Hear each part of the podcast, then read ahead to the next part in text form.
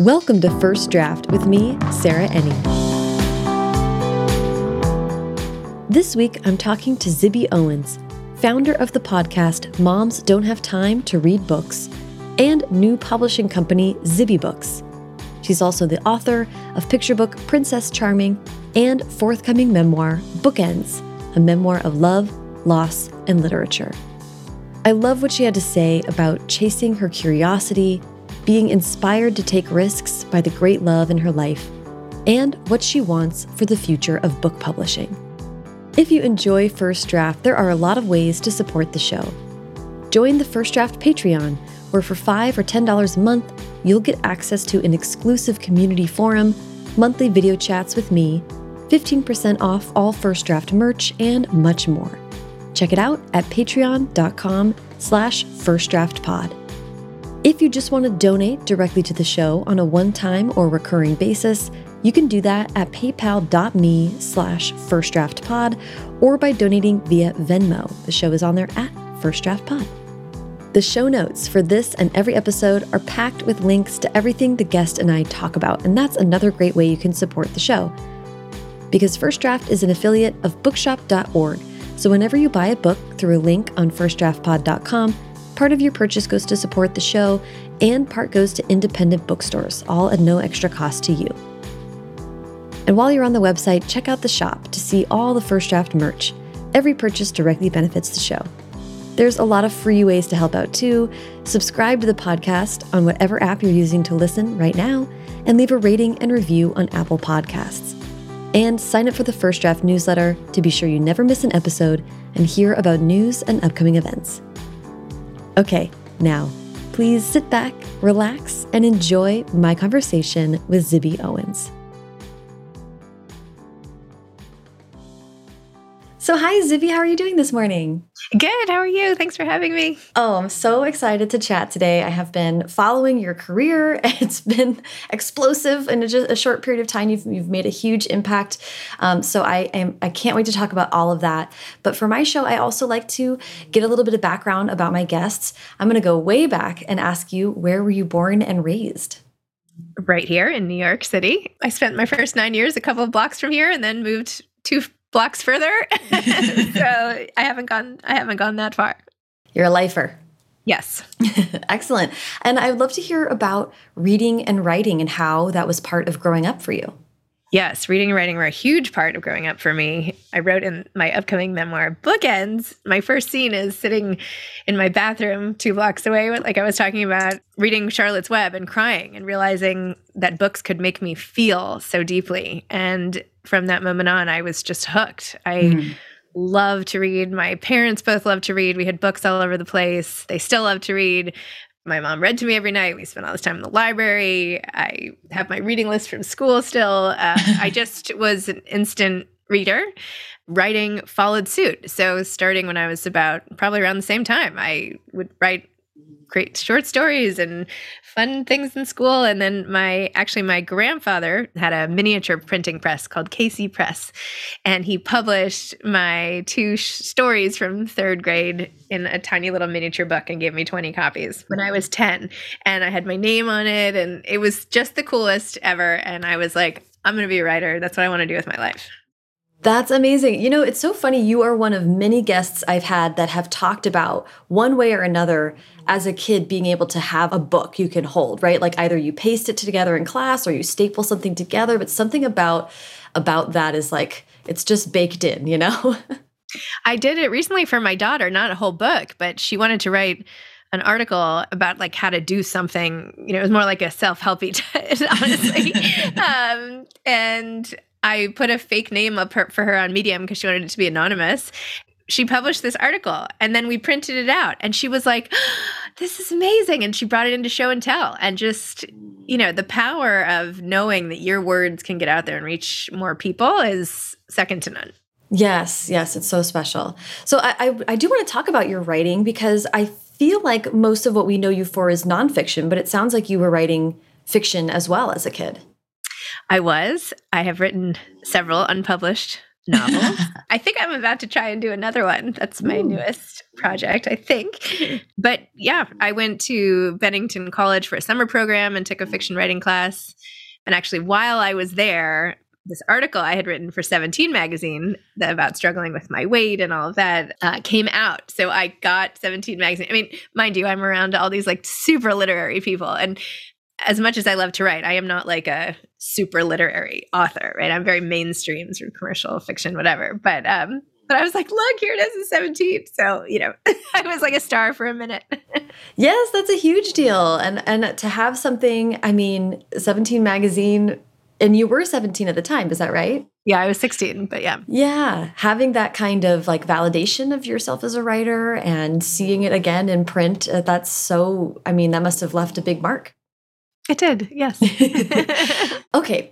I want to ask about moving forward, knowing that you wanted to be an author. You studied at Yale. I read that you decided not to get an English major because of the books they were going to make you read. Is that right?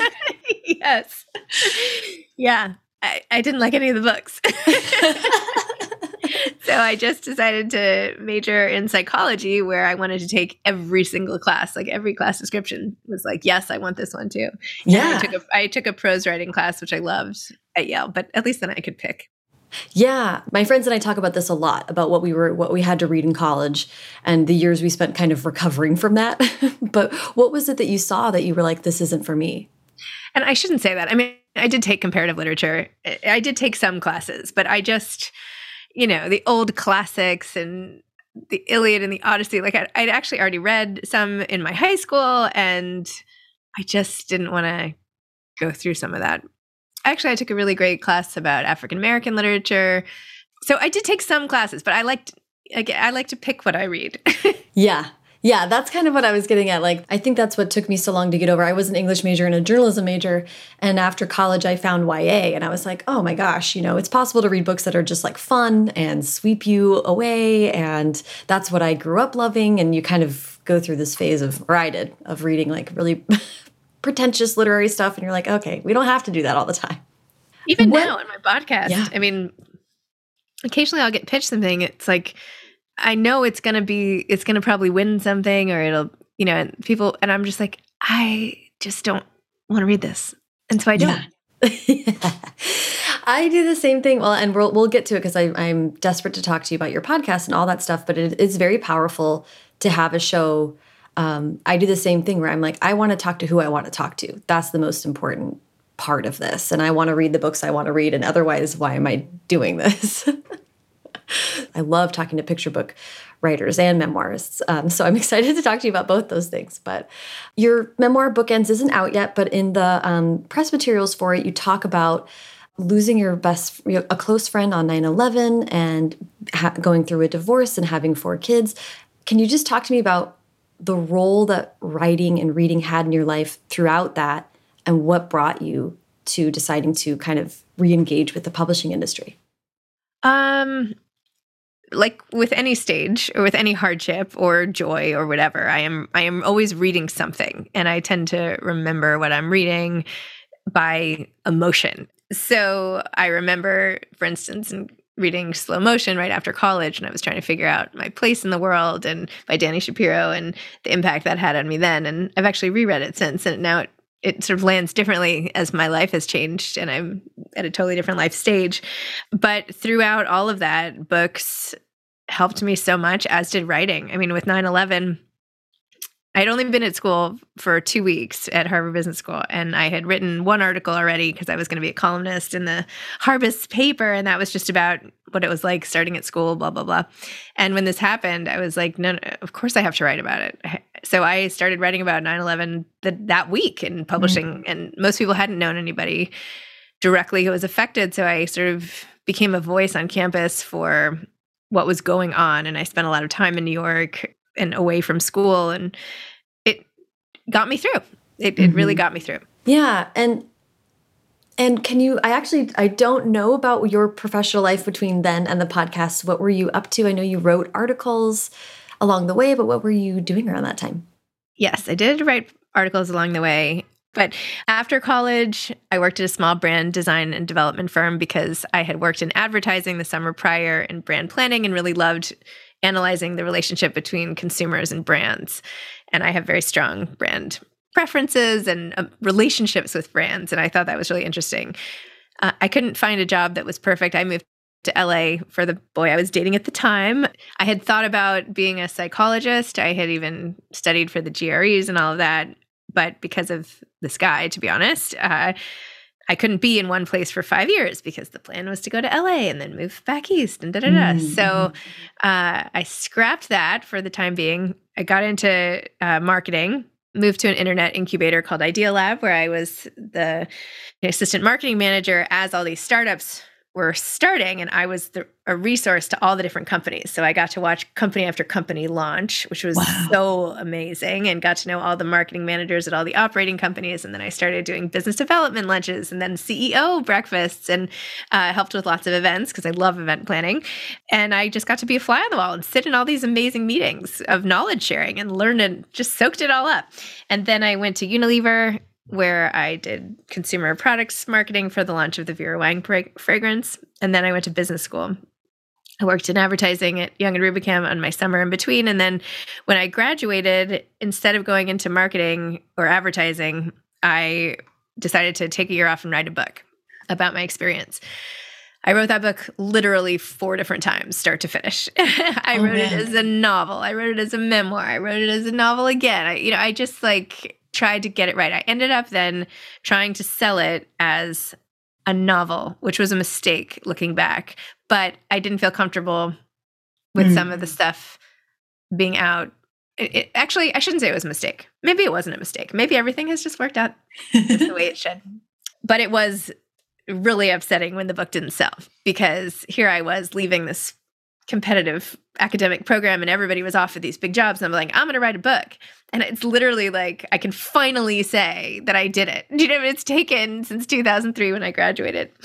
So while I was writing the book and in between like working with editor friends and whatever, I, I started working for Weight Watchers part time. So, because I had lost a bunch of weight on Weight Watchers right after school. And I got really hooked. And so I became a receptionist and then I became a meeting leader and like a, I was leading meetings all over the city with my flip charts and weighing people in at the scale. And I, you know, I loved it. And it, was a shortcut to the psychology help um, that I wanted to be giving, especially for some of the private clients I got assigned and I got to go to their homes and work with them one on one. So I enjoyed that.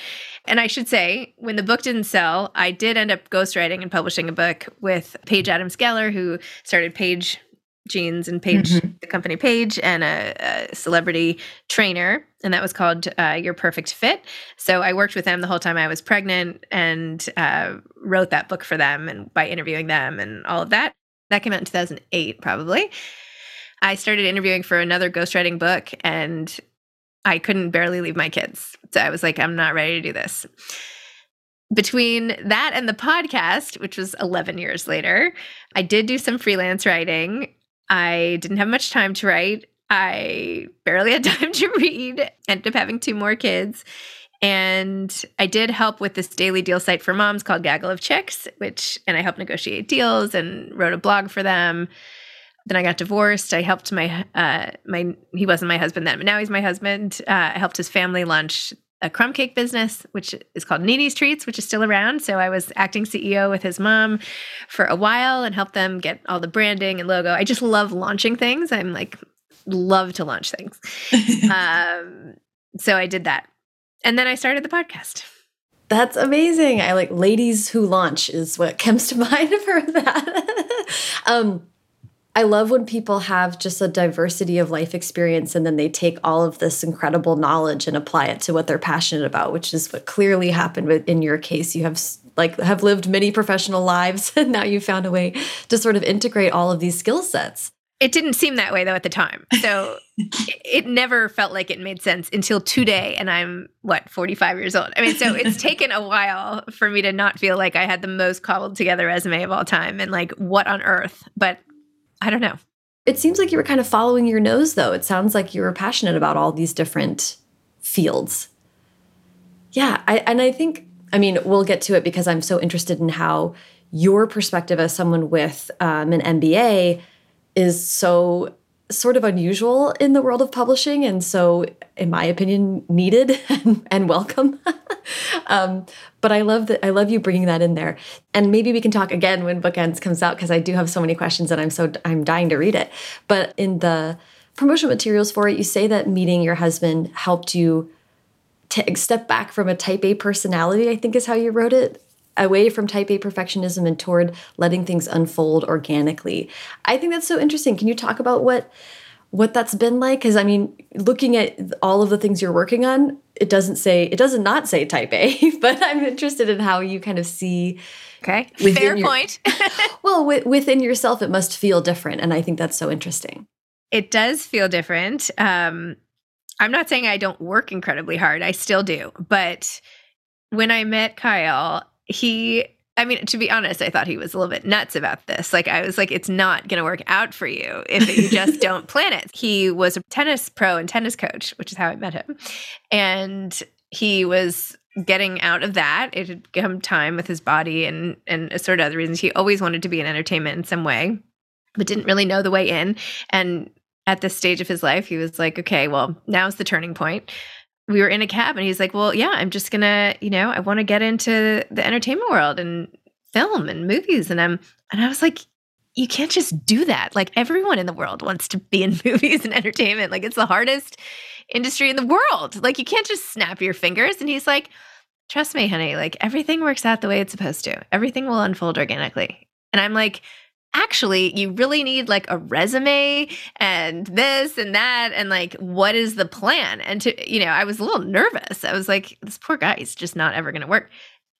Lo and behold he has now started morning moon productions with like multiple films in in process and music arm and uh, he he did it. It's just amazing. So he's been such a role model to me because and i it's almost what you're saying about following your nose but he just has a different approach. And it, he's like, this is how it's always worked out for me. And I'm like, I've only done things my way, but some things actually didn't work out. Right. Mm. Like I mm. tried my way so hard. I was all in on all the things I was supposed to do. And then, like, my goal of writing a book failed. Like, I couldn't accomplish that, even though I did all the right things. Like, it didn't necessarily work all the time. And it, even with Nini's treats, I made a business plan. I had projections. I ended up forgetting several line items because like I was like, you know, barely paying attention to business school because I was just trying not to fail. Um, so I, I messed up the spreadsheet a little bit, but that's fine.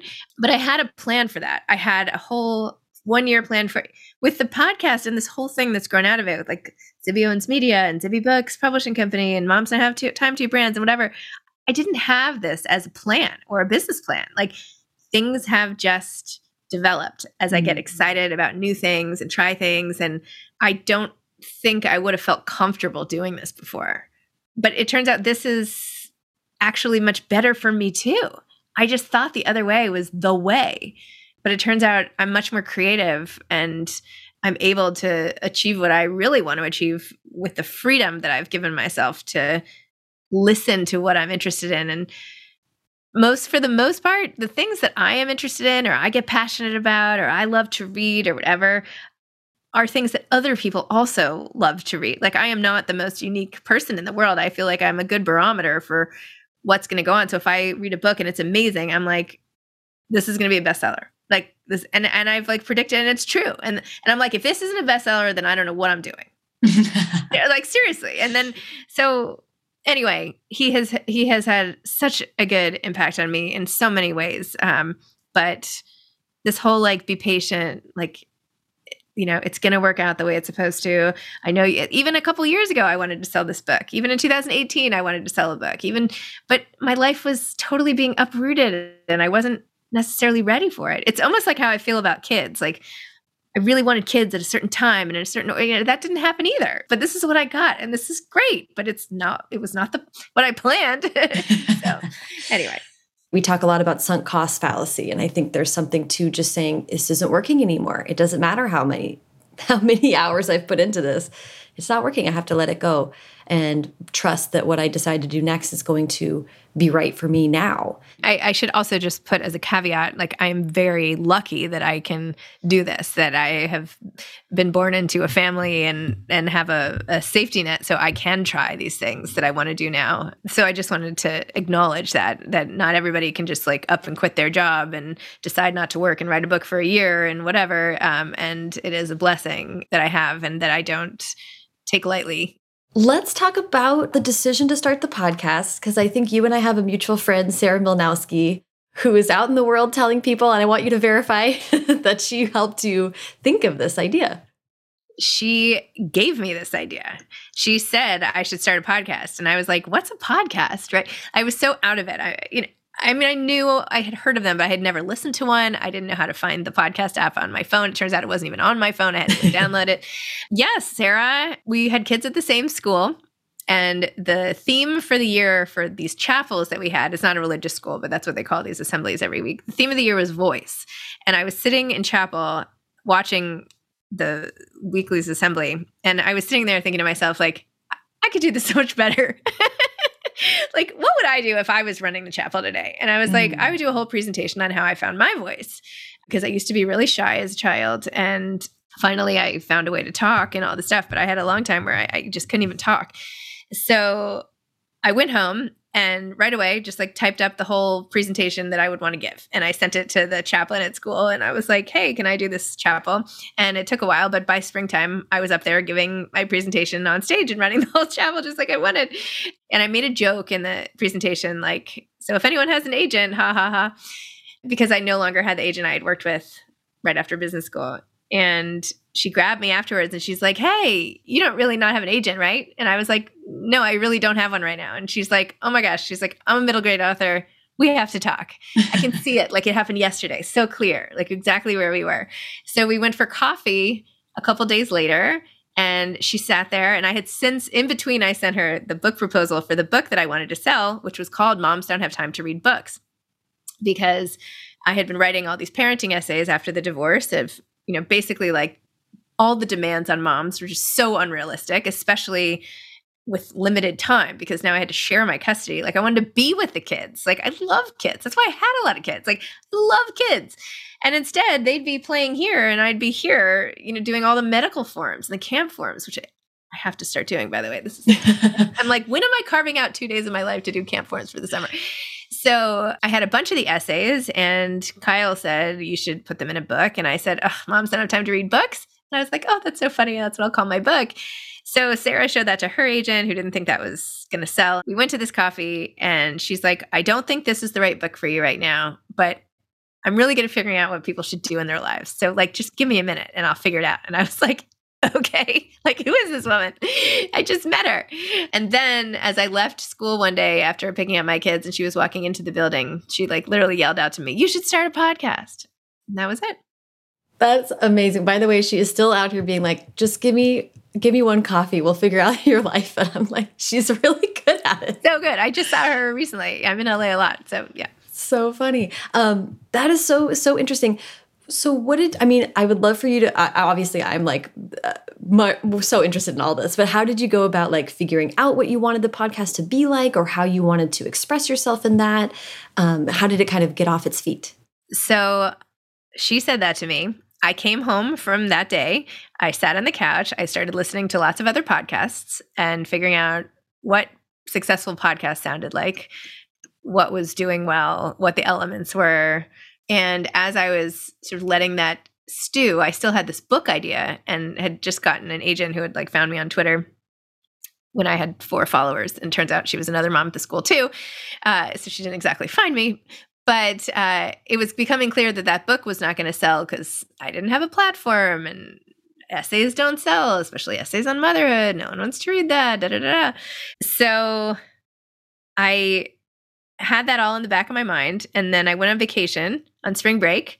And all of a sudden I was like, oh my gosh, like this is so obvious. I like ran over to Kyle. I was like, that's the name of that's my podcast. I'll just use that title. So with that as the title, I thought, you know what? I'm always ripping out articles and sending people things that I think would be great. And I'm always like, I read actual physical things. So I read the paper still every day and I like tear things out and maybe take a picture and send it now. But I was like, I'll just do that. I'll read out loud all the articles and and maybe even passages of books that I think are amazing for the moms who don't have time to even open up the links that I'm sending them. I'll just read it and they can like listen as they run around. So then I found out that was illegal, that I couldn't just start reading everybody's work. Um, that luckily that was before I, I read any of it. I, I realized I could also read my work. So I thought that was another way I could get my essays out into the world. So my first episode was actually my essay that I wrote that kind of went viral on HuffPost called A Mother's Right to Sanity, which I wrote after being asked to bring in like empty toilet paper rolls to my kids' preschool. And I, that was like the final straw for me. I was like, I'm not. I'm not going around the house now and pulling off toilet paper on all the rolls. So I, I, can't. I'm done. So I wrote this whole thing like, let moms just be moms. Like, there's too much to do. There's not enough time. Like, just give us a break. This is ridiculous. And it did really well. So that was my first episode. Then I thought, okay, well, if I can't read from the books, I guess I should, you know, interview the authors. So, like what you said you started out doing. I only knew though, like two or three authors. I didn't have a community of authors at all. I had like the mentor who actually I still haven't haven't even interviewed her. The two like mentors who were friends of my parents, I knew them. And then I knew a friend from business school, Lea Carpenter. So I interviewed her first. And then, as luck would have it, Kyle from tennis used to work with this man named Murphy Jensen who won the French Open. And he was FaceTime with Kyle right here behind me. And I happened to walk in the room before I took this before I took this whole room off as my office, like our family room. And he was saying to Kyle how he had just been on a plane sitting next to Andre Agassi. And I was like, oh my gosh, Murphy Open was one of my favorite memoirs of all time. It was so good. And I had read it recently. I was like, there's any way Andre would be on my podcast that I just started. And he's like, well, I can ask. And I think because of his relationship, Andre said yes and came on. So he was my second guest. So I was dying, like sweating, nervous, whatever. But it was great. And even after the first interview with Lea, who I had been friends with forever, and I saw how I got to know her in a different way with this microphone. And I used to do all my interviews in person, which was great. I was just, I was like, this is it. This, I love this. This is so amazing. I love listening, contrary to how it seems today, since I'm rambling, but my I much prefer to listen and learn about people and dig and connect. And I just love it. That's incredible. Well, I love how you said that too, because I have found the same thing that I have now many friends who are authors, but as soon as you're interviewing someone, it's such a different conversation than a friend conversation. And stuff comes up and you cover things. And in my show, I track people's lives chronologically, which you never do in real life. So people are often like, you know, and I'm trying to find connections. And it's such a cool fun way to really get to know someone in this whole different way. I also did all my interviews in person um, until uh, March 20, 2020. How, how did you adapt? What has it been like for you the last couple years? Well, I actually doubled down in every way tripled down, quadrupled down. I don't even know what to say. Um, because I had spent, I started my podcast in in April of 2018, and I had built it up in part with in-person events. So I had like a salon in here in my apartment, which I loved, and I'm actually doing an event soon. But I used to have events every two to three weeks where authors would launch their books, and I would invite people over. There'd usually be about 40 people, and then I did these book fairs where I would sell all the books from the podcast from the authors, and I did those like twice a year, and those were really popular. And I sold like twenty thousand dollars of books or something crazy. Um, which now that I'm a publisher and an author, I'm like, oh my God, that's so cool. I wish someone would do that for me. um, but some of the interviews had been on Skype. So at least I knew how to use Skype. This is before Zoom, um, mm-hmm. or at least before I'd heard of Zoom. When we went into lockdown, I had interviewed hundreds of authors and I was like, I cannot believe it. All these authors are not going to have their books coming out. Like, I know there were bigger issues and I was scared and upset and you know we ended up losing people we loved and it was you know a whole thing but on the work front i was like i have to help these authors like i felt it like deep in my soul that that was my purpose in life and so i started i used to do my podcast once a week then twice a week I went up to seven days a week. And actually, I haven't slowed down and I'm really tired. I'm going to go back to five a week, which I already feel like is hard because I've booked so many people this June. And I'd like to get back to three a week if I can, um, except that I love it so much. But now I've added all these other things to my plate. Anyway, I started that seven days a week. I also launched this Instagram live show where every day I interviewed four authors live on Instagram from 11 to 12 and a lot of people told me after the fact that like that was their whole schedule. Like that was only that was their day. It was like at least from 11 to 12 they were going to be doing this. And i got to help so many authors at least get out there when there were not that many channels to do so. And i realized that the bigger publishers couldn't pivot that quickly and launch all this stuff and i could just do it whenever i felt like it i could start things the next day i still have that mentality like anything you know i'm just going to do this i'm going to try this so that's what I did. I even did a show with my husband Kyle called Casey Time for a little bit, and I launched a book club, which is still going on. I did it every week back then. Now I'm down to once a month, but I just tried to boost all my offerings and stay connected and be helpful. And that also was super helpful to me being at home with my four kids, and um, especially as a, a planner. You know, didn't really didn't really help. yeah, right. The ultimate like plan goes out the window moment for for all of us, especially professionally and and as you say publishing is an old industry. What we had to do to adapt to the global pandemic, I think forced a lot of, you know, I saw independent bookstores build websites for the first time. I saw publishers learn to appreciate things like Instagram Live and um, all these other ways of being, and maybe start to understand what podcasts are. I don't know what your experience has been like, but I sometimes find myself being like, no, it really, people actually listen to, to these things. But that does lead me to, so, so with all of your experience and your background in business and branding and marketing, I kind of want to hear to whatever extent you want to talk about it, what your impression has been of publishing now that you've come to know it better, and what led you to decide to put your hat in the ring and do things a little differently with Zibby Books. I as I said, I felt like I was in this unique spot um, with all of this author feedback. And then I started selling some of my own books finally. So that was really exciting. An anthology that I had published. Oh, I also did that, was putting out. um, putting out those essays weekly with uh, you know help from other editors and teammates and everything and then made them into two anthologies that came out during the pandemic. So I got to see that. I got I sold two uh, two book deal for children's books, and now Princess Charming's coming out. So I got to see that publishing firm. Then I sold another book. So I got to see inside from the writer's perspective three different publishing houses, and I had all my author feedback, and I just thought, well, like someone's got to do it everybody kept talking about how there was such a need for change in the publishing industry, that it had not changed that much while the world had changed. And things needed to be updated. Authors would talk about some of the antiquated systems, some of the ways that only some authors were promoted and others weren't, right? There were front listers and backlisters, and how it was so hard to even make a splash when your book came out, that the publicity offered sometimes was not to the fault of the publicist, but just that there weren't ample resources to really support every launch the way that they used to do it. And that authors were getting almost a short shrift, right? It was becoming too commodified, maybe, and not a personal relationship anymore. I felt like that was really upsetting. and it didn't seem like things were going to get better. In fact, it almost felt like things were about to get worse. And I just wanted to see if I could do something about it.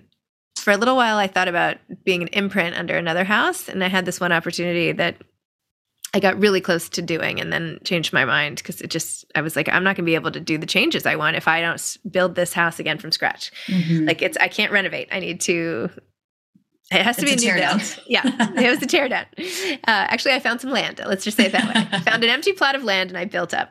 I could do it the way I wanted. And I just started having all these ideas about, well, what would I do? And then I brought in Leigh Newman, who's my co founder and had started Catapult. So she knew what she was doing more. And we just kept brainstorming and I knew exactly the types of books I wanted to publish because they're the books I love. And she totally agreed and saw the whole vision. And the two of us brainstormed and just got this whole thing off the ground. And that's what happened. It's incredible. Can you just briefly, because this isn't this isn't a business seminar, but I'm just so, so, curious about the ways that you've decided to approach it and what your your your emphasis and focus on authors has kind of, I think, led the decision of how to structure it. And I think people, I want my listeners to understand what you're doing. Okay. The first thing is we have a profit sharing model. So each month we're launching a book. So only 12 books a year because how many books can people really read? So I didn't want to compete against myself. Mm-hmm. 12 books a year. The class of, say, 2023 will all share in the proceeds. So if there's one book that becomes a huge hit, everyone will benefit, as opposed to the way it's traditionally set up, where that is not the case. And by the way, all the employees on our team. So we're all like one big team because mm-hmm. it takes a village to launch a book, and mm-hmm. everybody is really important from just every every every piece of the book publishing process is essential. So I wanted everybody to feel really important and essential, which they are, and every author to feel valued and every author to help all the other authors because this is our community. It's like it just seems like such low hanging fruit. Why is no, why isn't everybody doing this? And I also wanted to demystify everything. So, and we have this open kitchen newsletter, which I really have to write, and uh, we bring in all the authors to our team meetings, and we ha- it's just very open and collaborative. Sometimes traditional publishers won't bring in authors to things like marketing or whatever. And we're like, you know what? You've been thinking about your book and you're really smart for far longer than I have. Like, come on in. What are your ideas? Like, I just had this whole email with one of our authors, like about a strategic partner. Like, who would you want? To, like, let's brainstorm. Like, so we're really treating the authors like teammates. We have a book ambassador program. So we have 600 plus women book ambassadors all over the country. We have almost all 50 states. We have a couple left who are going to work with their local indies, word of mouth, spreading, of you know, doing events, all of that good stuff. We have an indie bookseller advisory board. They're great. Uh, we w- really want to work well with the indies, help them, make sure we don't annoy them, see what they need, how we can help uh, we launched this initiative called hashtag 22 and 22, where we're encouraging readers to visit 22 bookstores in 2022. We're giving prizes for every five bookstores that they go to, uh, like a little bookmark and then a badge and you know this and that and the other thing. So like this is back from my Weight Watcher days where I would get a bookmark that said "You lost five pounds," and I was like, "That's so cool." no one's ever noticed before. So we have that initiative going on. We have an author advisory board. We are partnering with brands. We are just trying to do things very differently. And so those. Oh, we have also brand uh, author champions. So we're pairing each book with a best-selling author. My thought originally was that the authors, the best-selling authors, would then get an equity stake in the book.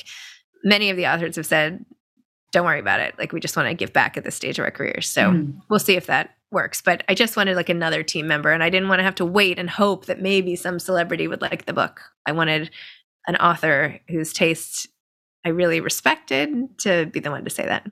Right. And that's incredible. Thank you for walking through all that because I think it's so interesting. It's sort of great that you, like you say, have the open plot of land and you can kind of holistically reimagine like what if you were starting book publishing now, how would you do it? And I think you've come up with a really, really great approach. I'm so excited for it. I wish that I could disrupt a little the distribution, but it's so entrenched. I can't, you can't, I can't yet. yeah. Yeah. I mean, shipping crisis pending, like maybe we'll all be reimagining all of that. Who knows? um, that's incredible. And that starts in January 2023. Is that right? Incredible. So everybody keep an eye out um, for all of that. You also have Zibby Media. We're going to talk about Princess Charming, but you are you have many different fronts on which you are branching out and trying to, trying to leave your mark and lift authors up. So was there any other of the initiatives that you want to make sure people are keeping an ear out for? I also have the Zibby Awards. Um, last year was the first year I did it. It was really, really fun. We got hundreds of submissions, and I wanted to celebrate the under appreciated parts of books and book publishing. So we have awards for the best spine and the best um, table of content. Well, I don't think I include. I, I, narrowed the categories a bit this year. Last year I had like thirty categories. um, but the best dedication, the best acknowledgments, uh, best publicist, like things that people just they don't get called out and congratulated enough. And I really appreciate things like a great spine or a great cover or a great opening sentence or mm. I just I'm always talking about stuff like that on my podcast. And I was like, there should be a way to win that. You know, why does sound design of the Oscars? Why, you know, what? So I have that going on. And then I have this whole family of like moms don't have time to read books, the podcast, and moms don't have time to write. We have a magazine ish on Medium where we do mostly personal essays, although we have some plans for that that might shift a bit. Moms Don't Have Time to Grieve, which is an Instagram community and soon to be a podcast. I started Zcast Network. So now I'm commissioning new shows and they're all sort of under the Zcast umbrella. So all my shows are under under the same network so I can help build them up and then share advertising revenue and all of that. So that's been fun to sort of groom new podcasters. Those are my major things. Yeah, it's incredible. And and I'll make sure that all of this is going to be linked in the show notes so people can check it out and bookmark all of this great stuff. Incredible. Thank you for sharing all that detail with us. Now let's talk about your books. As you mentioned, you released the Moms Don't Have Time to uh, anthology and Moms Don't Have Time to Have Kids, I think is the name of the second one, which I love uh, that title. And I believe that was another collection of essays. Is that right? They were both anthologies. One cobbled together from essays I published during the lockdown, but the next one was I did on purpose. Like the first one just ended up being an anthology because I was like, oh my gosh, it's long enough to be a book. I should just publish these. The second one I, I planned as an anthology and just to see if I could do it, which I did. And that was really fun too. So collectively, they have over a hundred plus essays by authors who have been on my podcast. And they tackle 10 different areas of things that moms don't have time to do. And it's really not just for moms, but that's just how the whole thing started. Um, it's not written just by moms. They're men, women, all different genders, sexualities, races, everything, writing about these things like sleep or mm. getting sick or not having time to eat or work out. And so the essays were just like write an essay about working out, something inspired by working out. So those were those two. And the first one was particularly COVID heavy, but there are many essays in both that have nothing to do with COVID and just have mm-hmm. to do really with love and loss and using your time to the best of your ability. Yeah, absolutely. And what was it that made you decide you wanted to then go into picture books and, and children's books? The picture book was crazy. Yes, I had written several picture books along the way, as many moms have done who are in the writerly world, I guess. but I had tried, I'd even tried to sell a couple children's books, but had not been able to. One of the authors from my podcast, Karen Dukess, uh, came to one of my salon events here and said as she was leaving, you know, a friend of mine is leaving, is starting a new imprint at Penguin Random House called Flamingo, and she's looking for writers. Would you have any interest? in writing a children's book? And I was like, yes, yes, I would. So she came for lunch and she showed me a picture on her phone of a character of like a you know, illustrated girl and she said this is princess charming. What would you do with this picture? What would you how would you do the story? What would you do? And would you want to take a stab at it? And i was like sure. So we went back to eating and then about two minutes later i was like okay here's what i would do. I had the whole thing and i had the ending and she loved it and i went in to the office which was so cool. I mean it was just so neat to be there with all their books in the lobby and all of that and i it was the only time I went, and it was almost lockdown. I went upstairs and brought my laptop, and we finished revising it and doing the final draft together. And I kept making all these jokes as like and saying, you know, not even on purpose, of being like, oh well, we could put this in the second book, you know. And I didn't even mean it that way. And and then I like laughed at myself.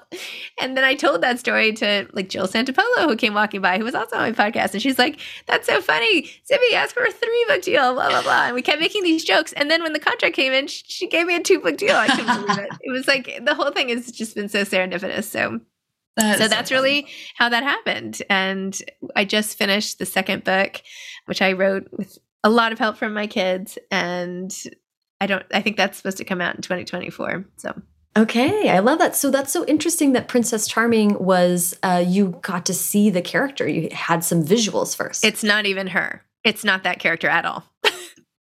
that's yeah. Okay, so it started with a different visual. it started with a different visual. Okay, because um, I was going to say picture books are so fascinating to me because of how they come together, and often the author and illustrator don't don't get to talk or collaborate, which is wild. But then so often, you know, these like beautiful things come out of it. So can you talk about the uh, Holly Hatam? Holly um, Hatam, yeah. Holly Hatam's illustrations for this are so remarkable. They're gorgeous. Um, what was it like to to see those come in, or or did you work with her at all to shape story, or how did that kind of full, unfold? Did not work with her at all to shape story. I finished it, and then my editor Margaret told me she was working on finding a fabulous illustrator and then she told me about holly and i saw all her work and i had had uh, many others of her books not knowing um, that i would one day work with her and they she just sent a bunch of page like i can't even remember honestly. She just sent some of the visuals and i was really excited and i did get some input but mostly she just took it and ran with it and i love it. It's really cool and i'm really excited yeah, it's so bright and fun. Um, would you mind pitching this book officially for us? What Princess Charming is about? Princess Charming is about a girl who just can't seem to find her thing. And she keeps trying all these activities and baking and hip hop and everything and, and just not really connecting. And she's just not enjoying or that good at these things. And then she realizes through this big event that happens at the palace that really her thing is that she never gives up. And then there's a twist at the end. yes. Um, yeah, I love that. I mean, first of all, having just sort of talked through your your life and how you have tried a hundred different things and and then found kind of the perfect application for for all of them. It felt reminiscent of, of your personal story that she was like, "Well, this is my thing. I'm very tenacious." I actually based it on my daughter, my older daughter. But yes, it also applies to me. as so often happens with books. uh, um, what is it about that? I mean, that was the word that just like really popped into my mind tenacity and tenaciousness. And that's something that I connect to really strongly. And I think if I was a kid, I would have loved to hear this story because it's like you just, you're just a little steam engine and that's okay too. I mean, I think there's so much pressure on little kids knowing what their thing is from such a young age. Like, with with my twins, there were kids in their class and they were all playing like travel soccer in first grade. You know, like, oh, he's really into soccer. And I'm like, well, I don't know what they're into. I'm glad I could just get them to school today. Like, I mean, you know, they like things and they want to try something else. And so I, I just feel like there's a lot of pressure on them to find this diamond in the rough. And it's hard. Yes, and also, I mean, what you just brought up. I, I have a one of my dearest friends has a boy who's about two now, and and I think about this with him a lot. I'm like, what if all of a sudden you discovered that he was really good at something? If you had a six year old who was like, well, this kid's really good at basketball, would you then like commit the rest of his life to being an Olympic basketball player or something, or would you want him to be a little bit more? have a diversity of experiences that's something i think is so hard for a lot of parents who are being put in this like professionalizing pipeline for kids, which doesn't feel fair. Yep. By the way, I, I'm still in touch with those moms, and none of those boys are playing soccer anymore in eighth grade. Wow. There you go. I mean, burnout's real, even for kids. Yep. Um, I mean, this reminds me. I I feel like the story I read about how you met your husband was he was trying to talk you out of having tennis lessons for one of your children. Yes. yes, my older son really did not like tennis, but I needed him to get out of the house and run around because he had so much energy. And it was the dead, it was right before New Year's, and I had a newborn at home. This I didn't see Kyle for months after this first meeting, but at the first meeting, I dragged my son to this tennis lesson against his will because he did really like the tennis pro because he would end up playing fun games. He was really into football. Mm. He still is really into football now. He plays football. I, I mean, I just, you know, perhaps I, I didn't listen enough. but he showed up to tennis wearing like head to toe gear of a certain football team and went out and we went to see his favorite pro who ended up not being there. And this other guy was standing there and he's like, Hey, you know, I'm Kyle. I'm like, Who are you? And he's like, Yeah, you know, Fabio's on vacation. So I'm to be teaching your lesson today, buddy. And my son was like, um, not having any of it. So they walked onto the court and I sat down to read the newspaper for the first time and whatever long, thinking I would have at least a half an hour break. And the receptionist behind me was like, I think Kyle's trying to get you on the court. So I just had like my third C section. I was a total mess. Like, throw down the papers in my like Patagonia fleece and like go walking down the indoor court on the bubble and I go into the back and I get there and Kyle's like, "Yeah, hey, so um your son, he, he just doesn't really like tennis." And I was like, "I know that." and he's like, "Well, I don't think he should be taking tennis lessons. And I was like, I do. and he's like, he's like, uh, he really likes football. And I was like, I know, I know that too.